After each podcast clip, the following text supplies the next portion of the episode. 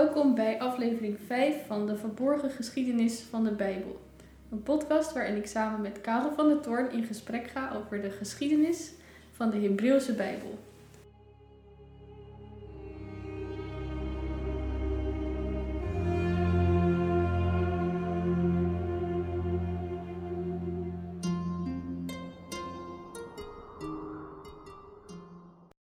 Na de drie grote profeten, waar we het vorige aflevering over hadden, volgen de twaalf kleine. Ik begrijp wel dat ze klein heten omdat hun boeken veel korter zijn dan die van de grote profeten. Maar op Jona na zou ik er eigenlijk geen één bij naam kunnen noemen. Nee, dat is, dat is ook wel zo. Ja, Jona die kennen we allemaal van het spelletje Jonas. Precies. Eh, Jonas in de walvis. Maar Jona is eigenlijk, die staat inderdaad bij de twaalf kleine profeten. Dus dat klopt wel. En, eh, maar het is wel een beetje een buitenbeentje, want eh, dat is eigenlijk meer een, een, eh, een verhaal over een profeet dan een echt profetenboek. Misschien moeten we er zo nog iets over zeggen. Ehm, Oké, Jona kende je, maar misschien heb je ook wel eens gehoord van Amos. Oh ja. Amos, dat is ook een van die profeten, Hosea. Mhm. Dat, is, dat is er ook eentje. Dus eh, nee, er zitten wel. eh er zitten toch wel eh, redelijk bekende bij. En sommige ook met hele bijzondere namen, zoals Malachi. Dat is de laatste profeet, Malachi. Misschien een beetje een brutale vraag, maar waarom bevat de Hebreeuwse Bijbel deze twaalf kleine profeten? Waren die drie grote niet genoeg? Nou, dat is, dat is misschien wel een beetje een brutale vraag, ja. Want als je gelovig bent, dan zeg je ja. God heeft gewild dat die twaalf kleine profeten ook in de Bijbel stonden. Dus eh, wat is het probleem? Maar je kunt inderdaad jezelf afvragen van ja, als je al drie grote profeten hebt, en die drie grote profeten, dat hebben we gezien, dat zijn historische figuren geweest, maar de boeken die naar hen genoemd zijn, bevatten behalve materiaal dat van door hen zelf is uitgesproken of geschreven, ook heel veel materiaal van, van latere datum. Ja. Bijvoorbeeld Jezaja had je Deutero Jezaja en Trito Jezaja, dus gedeelten die later zijn toegevoegd. Dus je kunt jezelf, in die zin vind ik het een goede vraag, je kunt jezelf de vraag stellen, maar waarom had dat materiaal van die twaalf kleine profeten niet gewoon ondergebracht kunnen worden bij de drie grote? Precies. Ehm, nou, een van de antwoorden daarop is dat die profeten ehm, eh, kennelijk zulke eh, duidelijke figuren waren, zulke historische figuren waren, dat bekend was wie die profeten waren, dat ehm, je ze niet kon anonimiseren. Want dat betekende in feite dat je dan hun profetieën zou onderbrengen bij een andere grote profeet.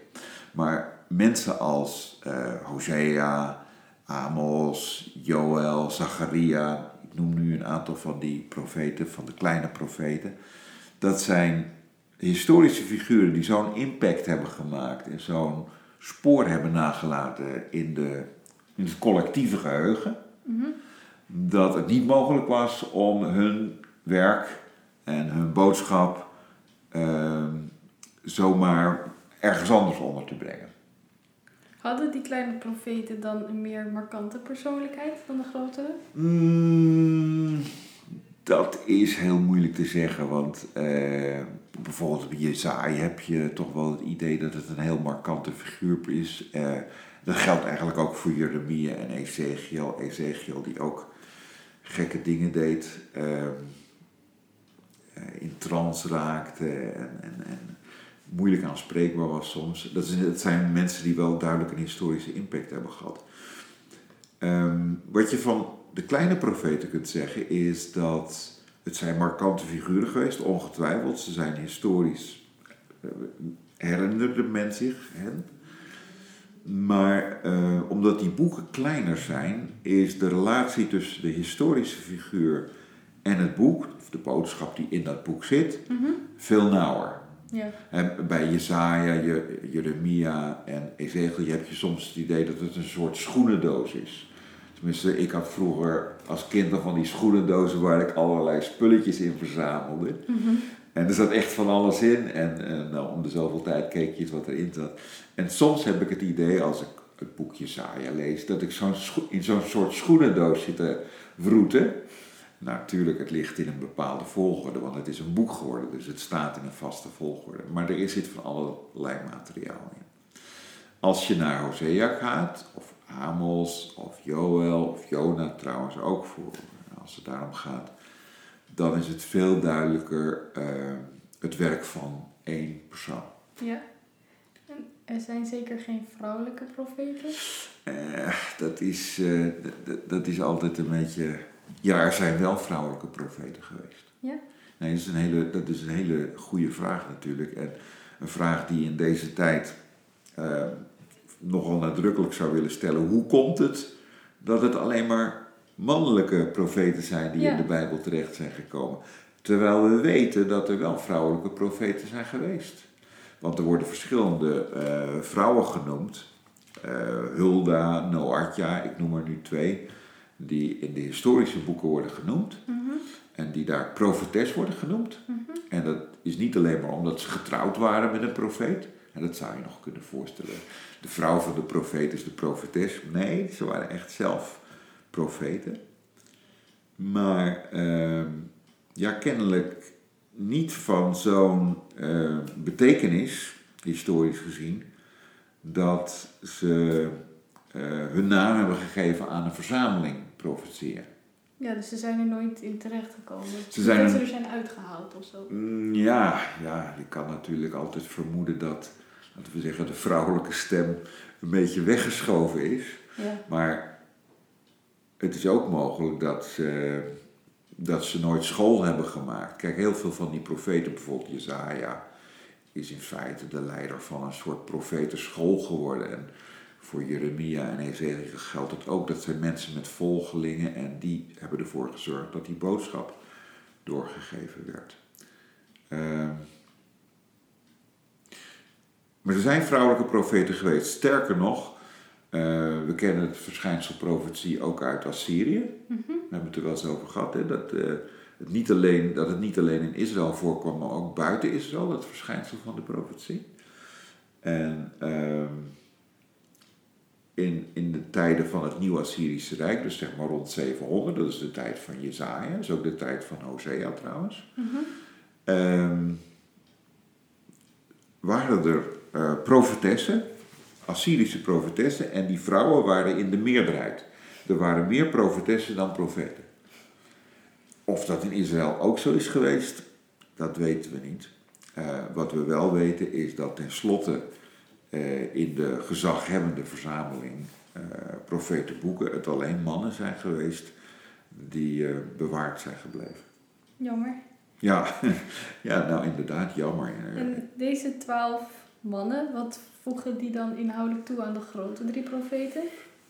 Ja, um, nou voor een deel is het natuurlijk uh, meer van hetzelfde zou je kunnen zeggen. Maar er zitten toch ook wel dingen in die, uh, die echt anders zijn. Um, of die nadrukkelijker zijn. Bijvoorbeeld als je Hosea en uh, met name Amos leest dan valt je de maatschappij kritische toon op. Dus het is een. Uh, niet alleen tegen de koning, dat, dat ken je ook wel uit Jezaja en Jeremia, dat, dat ze ingaan, dat profeten heel kritisch zijn over uh, de, de nationale politiek die gevolgd wordt.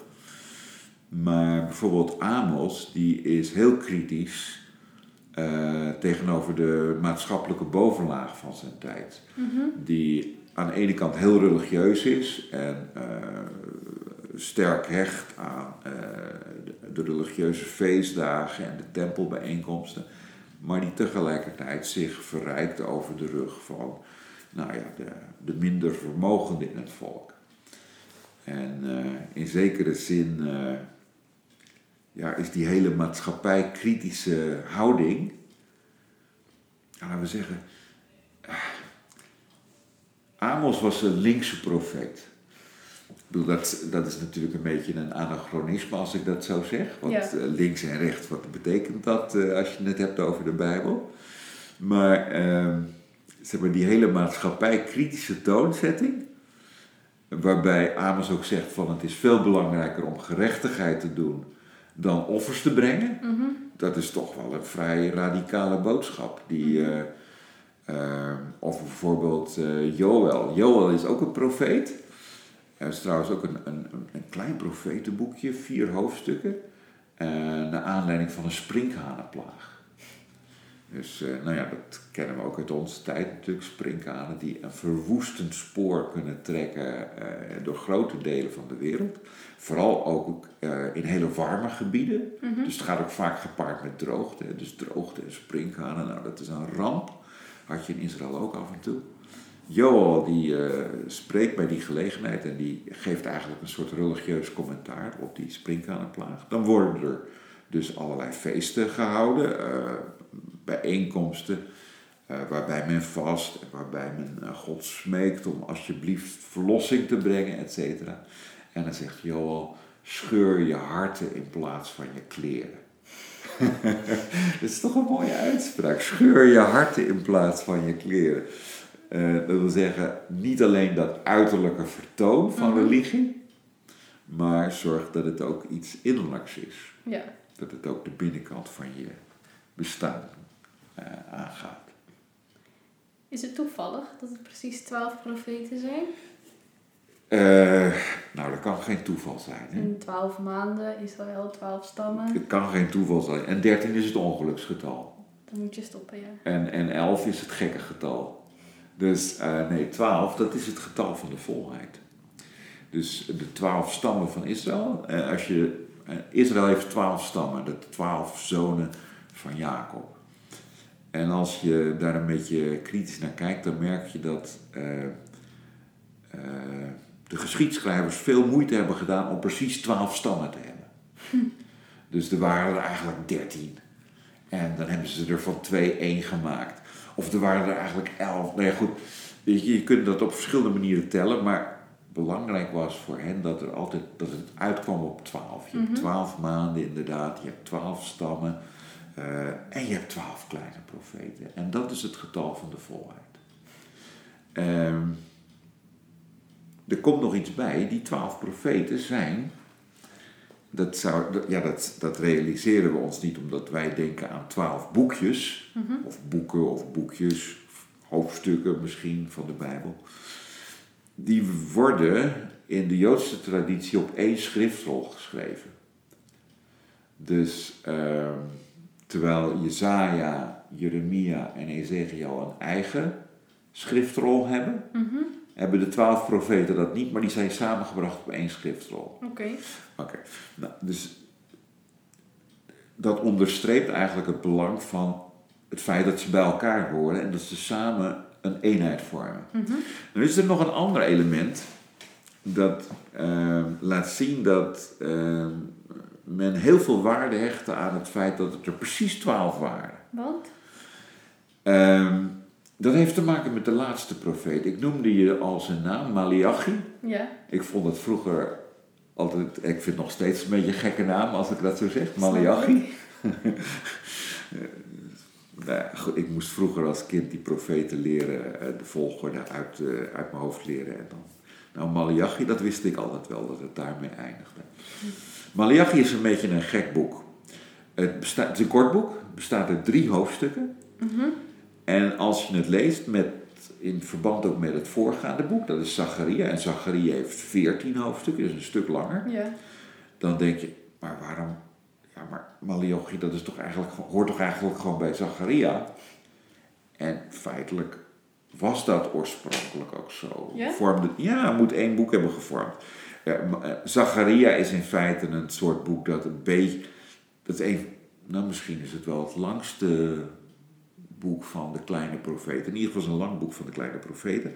En dat is duidelijk dat daar materiaal aan is toegevoegd dat niet van Zacharia zelf was. Uh, en waarschijnlijk geldt dat ook voor wat nu het Bijbelboek Malachi is. Maar men wilde heel graag, men wilde eigenlijk kosten wat kost, tot het getal 12 kwam komen. Het getal van de volheid en dus van de afronding. Mm -hmm. Want dat betekent dat het verschijnsel van de profetie nu is afgesloten. Ja. Snap je? Dat is, dus als er elf waren, dan kan je altijd zeggen, ja, wanneer komt de twaalfde dan nog? Nee, de twaalfde is geweest, of die is in feite geconstrueerd. Ze hebben gewoon dus de laatste drie hoofdstukken, of het laatste deel van Zacharia genomen, gezet als een eigen boek. Nou wisten ze niet van wie dat was. Nee, hoe zijn ze dan op die naam gekomen? Nee, dat is een goeie, want het is essentieel Ja? dat een profetisch boek een naam van een profeet draagt. Mhm. Anders heeft het geen gezag. Mhm. Want die profeten die zijn geroepen door God en als anonieme profetieën die, die belanden in andere profetenboeken. Mhm. Dus je moest een naam hebben. Maar ze hadden geen naam. Wat hebben ze nou gedaan? In het derde hoofdstuk, het laatste hoofdstuk van Malachi, komt een passage voor waarin staat, dan is het God die spreekt, zie ik zend mijn bode voor mijn aangezicht. Mijn bode. En mijn bode, het Hebreeuwse woord voor mijn bode of mijn boodschapper, is Malachi. Oh, Dus, dus het Hebreeuwse woord voor Malachi, mijn betekent gewoon mijn bode. ja. En dat hebben ze geïnterpreteerd als een eigen naam. Dus ze hebben niet Ah. gelezen, ik zend mijn bode voor mijn aangezicht, maar ik zend Ja, Malachi voor mijn aangezicht. of het kwam goed uit. Het kwam goed uit natuurlijk. Nou ja, ja laten, we, laten we aannemen dat ze, dat ze de beste bedoelingen hadden. En dat ze ervan overtuigd waren dat het verschijnsel van de profetie nu was, van de geschreven profetie nu tot een slot was gekomen, tot voltooiing was gekomen. Ja. Eh, want dat is het idee geweest. hè. Malachi, dat is het einde van de profeten. En na Malachi zijn er geen... Ja, stopt het, dan krijg je de geschriften. Mhm. Waar wel het boek Daniel in zit, dat ook een soort profetisch boek is. Maar daar moeten we het een andere keer over hebben. Maar eh, de boodschap van Malachi is, en van de twaalf profeten is, het is voltooid. God heeft via de profeten gesproken en hij heeft gezegd wat er te zeggen viel. En nu is het aan ons om het verder te lezen en te interpreteren en te luisteren, et cetera. En staan deze twaalf kleine profeten in chronologische volgorde? Ehm, ja, eh, ja, ze staan min of meer in chronologische volgorde. Net zoals Jezaja, Jeremia en Ezekiel. Die staan ook in chronologische volgorde. Eh, dus Hosea, daar begint het mee. Mhm. Dat is de oudste profeet. Is dat dan ook de tijd van Jesaja? Eh, dat is om ietsje eerder dan Jezaja. Jezaja die was actief in de periode tussen 730 en 700. Mhm. ongeveer. Hè. En Hosea was al actief in 750, Dus wel ietsje eerder. Ehm, dus Hosea, dat is de, de oudste en dat gaat dan door tot Malachi. En als je kijkt naar waar Malachi het over heeft, dan denk je, nou, weet je, dat, dat boek is niet gedateerd omdat het ook een kunstmatig boek is, zoals we net zagen. Mhm. Maar als je naar de inhoud kijkt, dan denk je van dat zal rond 350 zijn geweest of zo. Dus in die zin is het wel een chronologisch volgorde. Ehm, Maar er zit veel tijd tussen. Ja, dat is ook, en dat is ook in zekere zin het interessante van de kleine profeten. Ze laten een ontwikkeling zien. Ze laten dus nou, 750 tot 350, Mhm. 400 jaar, eh, ja, dat is een periode van 400 jaar. En eh, zoals je zou kunnen verwachten, eh, het denken staat niet stil in die tijd. Nee. Dus ja, weet je, het is allemaal oud natuurlijk voor ons. Het is allemaal van voor onze jaartelling. Dus dan denken wij van, dat is allemaal min of meer één pot nat. Gewoon heel erg oude geschiedenis. Maar 400 jaar toen duurde net zo lang als 400 jaar nu, hè? Ja, dus goed. ja, ik bedoel, het lijkt voor ons gevoel alsof het allemaal heel dicht bij elkaar staat, omdat het ver aan de horizon staat. Maar het is feitelijk natuurlijk een hele ontwikkeling geweest. Mhm. En eh, daar is dus van alles in voorgevallen.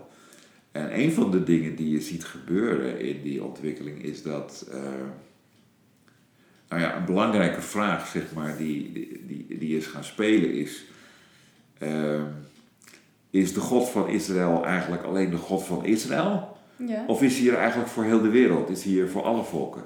Mhm. Dat is, eh, dat is, dat is echt zo'n thema dat, dat je terug vindt komen in de profeten, in de kleine profeten. En dat heeft ermee te maken dat, eh, ja, ze hebben natuurlijk een enorme geschiedenis doorgemaakt. Eh, de, de val van Samaria, dus Hosea en Amos, was wel interessant om nog even te zeggen. Die zitten dus aan het begin van eh, de kleine profeten. Dat hoort bij de oudere profeten. Ja.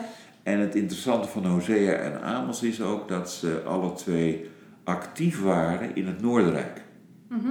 Dus in het gebied dat in de strikte zin van het woord Israël was. Ja. En niet Juda. Ja. Eh, Juda is het Zuiderrijk, waar naar het Jodendom ook genoemd is. Dat betekent daar het Judeërdom, het Jodendom. Maar goed, Hosea en Amos waren dus actief in het Noorderrijk rond 750. Eh, het Noorderrijk komt ten einde met de val van Samaria. Dat was de, de hoofdstad van het Noorderrijk in eh 722. Veel van die mensen uit het Noorderrijk vluchten dus naar Juda. Nemen dan ook hun tradities mee. Dat is een van de redenen dat Hosea, profeet uit het noorden, tenslotte in de verzameling terecht is gekomen. Ja. Want de verzameling is in Jeruzalem eh, samengesteld. Dan krijg je eh, nog, eh, nou laten we zeggen, anderhalve eeuw Judese geschiedenis zonder het Noorderrijk.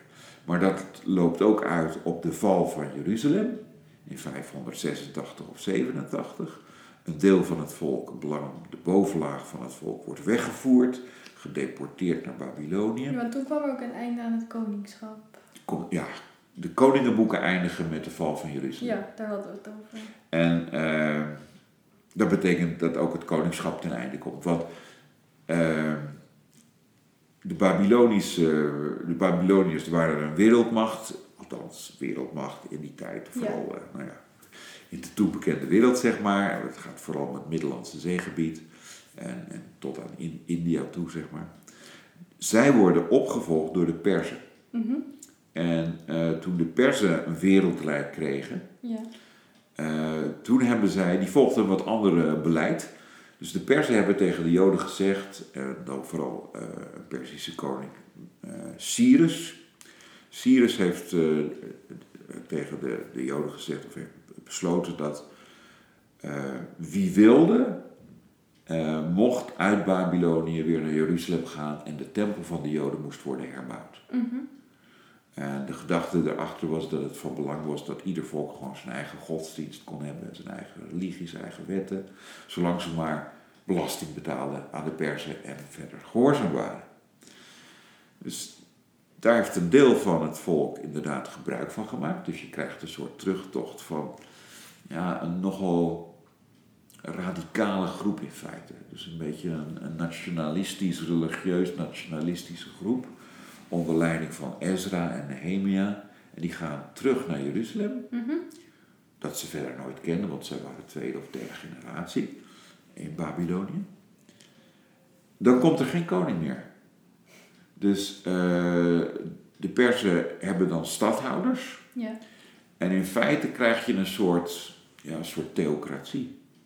Een theocratie in de zin van ehm, de hoge priester in samenspraak met de stadhouder, die hebben het voor het zeggen. Dus je krijgt wel een heel bijzondere situatie. Ehm, waarbij ehm, ja, de religie en politiek waren nooit goed uit elkaar te houden, maar dan wordt het helemaal erg moeilijk. En beïnvloedde dat de profeten? Ehm, ja, die profeten, ja, dat beïnvloeden de profeten, ja, die, want die reageren op de situatie die ze vinden. Mhm. En eh, voor een deel treden ze nog steeds op zoals de oude profeten ook als, als mannen van het woord. Vrouwen van het woord, maar ja, die stem hebben we dus niet meer. eh, die is helaas verloren gegaan. Ja. Ehm, eh, ze schrijven ook, het schrift dat is ook belangrijker geworden. Je vindt natuurlijk niet meer kritiek op het koningshuis, want er is geen koningshuis Nee. meer. Dus het is veel meer een interne eh, discussie geworden die je weerspiegeld vindt in de profeten. En ehm, ja, dit is wel heel intri- intrigerend, want eh, ja, wat ik je eerder zei, die, die discussie gaat over allerlei dingen. Maar bijvoorbeeld, eh, een, thema wat, wat, wat, echt gaat spelen is: ehm, mag je als Jood getrouwd zijn met een niet-Joodse? Mhm. Dus de, het, de kwestie van de zogenaamde gemengde huwelijken. En Malachi, hè, daar hebben we hem weer, Malachi, die heeft, eh, die heeft als standpunt dat je nooit de vrouw met wie je in je jeugd getrouwd bent moet verlaten. Mhm. En al helemaal niet eh, als daarvan de reden zou zijn dat ze niet joods is. Nou, wat betekent dat als je dat leest? Ja, dat is dus ten- kennelijk een, een maatschappelijk thema geweest. En er is een priesterlijke eh, groep geweest die propageerde dat de zuiverheid van het Joodse volk zo ver moest gaan dat eh, alle niet-Joodse elementen in het volk verwijderd moesten worden. Ja, nou ja, dat, weet je, dat is. Ja, dat komt in het Jodendom voor. Er zijn, er zijn meer plekken waar dat voorkomt, een soort etnische zuivering, zeg maar. Ja. Maar dat ging dan zover dat, dat ze zeiden, ja, je moet eigenlijk je vrouw wegsturen als het een niet-Joods is. Mhm. En, nou, het is wel mooi dat Malachi daar tegenin gaat. En dat Malachi eh, een van de Bijbelse profeten is geworden. Eh, trouwens, eh, we hebben het heel kort even gehad over het Bijbelboekje Rut. Ja. Eh, dat zit bij de Hebreeuwse Bijbel in de afdeling geschriften. Mhm. Dus in die zin gaan we het er nog even over hebben. Mhm. Hopelijk. Een van de volgende afleveringen van deze podcast. Eh, maar in de Griekse Bijbel staat het eh, vlak voor, staat het tussen Jozua en Richteren. Oh. Of, of Rechters heet dat boek, Rechters moet ik zeggen. En waarom? Omdat het boekje Rut speelt in de tijd van de rechters. En waar gaat het boekje Rut over? Over een Moabitische vrouw, een niet-Joodse vrouw, Mhm. die trouwt met een Jood. En die de over, overgrootmoeder wordt van koning David. Dus de boodschap van het boekje Rut, dat waarschijnlijk uit dezezelfde periode als Malachi is, dus Ja. heel laat in feite, Ja. Is gemengde huwelijken hebben er tenslotte toe geleid dat koning David geboren werd. Dat grote, de grote vorst, de grote voorbeeld, et cetera. Dus dat is ook een heel erg pro-gemengd huwelijk eh, eh, boekje, bijbelboek geworden. Ja. Dus ja, dat is wel een thema en dat is in zekere zin zeg maar hetzelfde thema als is God er alleen voor de Joden? Is de, Joodse, is de God een Joodse God of is het eigenlijk een universele God? Voor iedereen. En Dus die discussie was wel kenmerkend voor die tijd. Ja, die discussie. En dat kun je je ook wel voorstellen. Je hebt, ze hebben de ze, ze- hun wereldbeeld is ook veel breder geworden. Mhm. Ze zijn, eh, ja, je kunt zeggen dat voor de ballingschap, nou ja, laten we zeggen, er zit iets provinciaals in de Hebreeuwse Bijbel. Maar dat, dat, dat, dat provinciaalse, dat, dat raak je natuurlijk wel kwijt als je onderdeel bent geworden van het grote wereldtoneel. En eh, allerlei dingen daarin hebt meegemaakt. En dan komt ook de vraag op inderdaad, is onze religie nu alleen van ons of hebben wij een boodschap voor de wereld? En zouden anderen zich ook mogen aansluiten? En dat vind je, dat is wel heel interessant. Dat vind je dus in die kleine profeten. eh, en ook wel in toevoegingen trouwens bij de grote profeten. Terug als thema. God, waarbij andere volken dan de Israëlieten of de Joden zich ook aansluiten. En ook naar Jeruzalem komen. En ook naar, op bedevaart gaan naar de God van, van de Joden. Maar het is in zekere zin een, een, een spanning die niet echt opgelost wordt. Die spanning die bestaat. En in zekere zin is dat ook de spanning tussen het Jodendom en het latere christendom. Ja. Een christendom die dat eigenlijk ook een, een, een vertakking is van het Jodendom, maar dan heel sterk die universalistische boodschap heeft. God is er voor alle mensen. En niet alleen voor de Joden. En hoe weten we zo zeker dat de profeten echt hebben gezegd wat er aan hen is toegeschreven? Gaven ze eigenlijk wel betrouwbare informatie over hoe het feitelijk was in die tijd? Ja, nou ja, het is, heel goed om achterdochtig te zijn. Hè? Dat is een wetenschappelijk principe. Niet, je begint ermee om eerst jezelf de vraag te stellen, klopt het eigenlijk wel? Maar eh, ik moet eerlijk zeggen, ik heb veel in Hosea en Amos gelezen en eh, zowel de taal die ze gebruiken als de thema's. eh, dat is toch wel heel specifiek en dat, dat verzin je niet zomaar, zal ik maar zeggen. Kijk, een boek als Jona, dat is evident uit latere tijd. Ja? Hoewel het, ja, dat speelt in, in de tijd van eh, zeg maar de historische achtergrond van het verhaal. Er zijn de Assyriërs en Nineveh. Het gaat over Jona die de boodschap van eh, bekering moet verkondigen aan de Assyriërs. Mhm.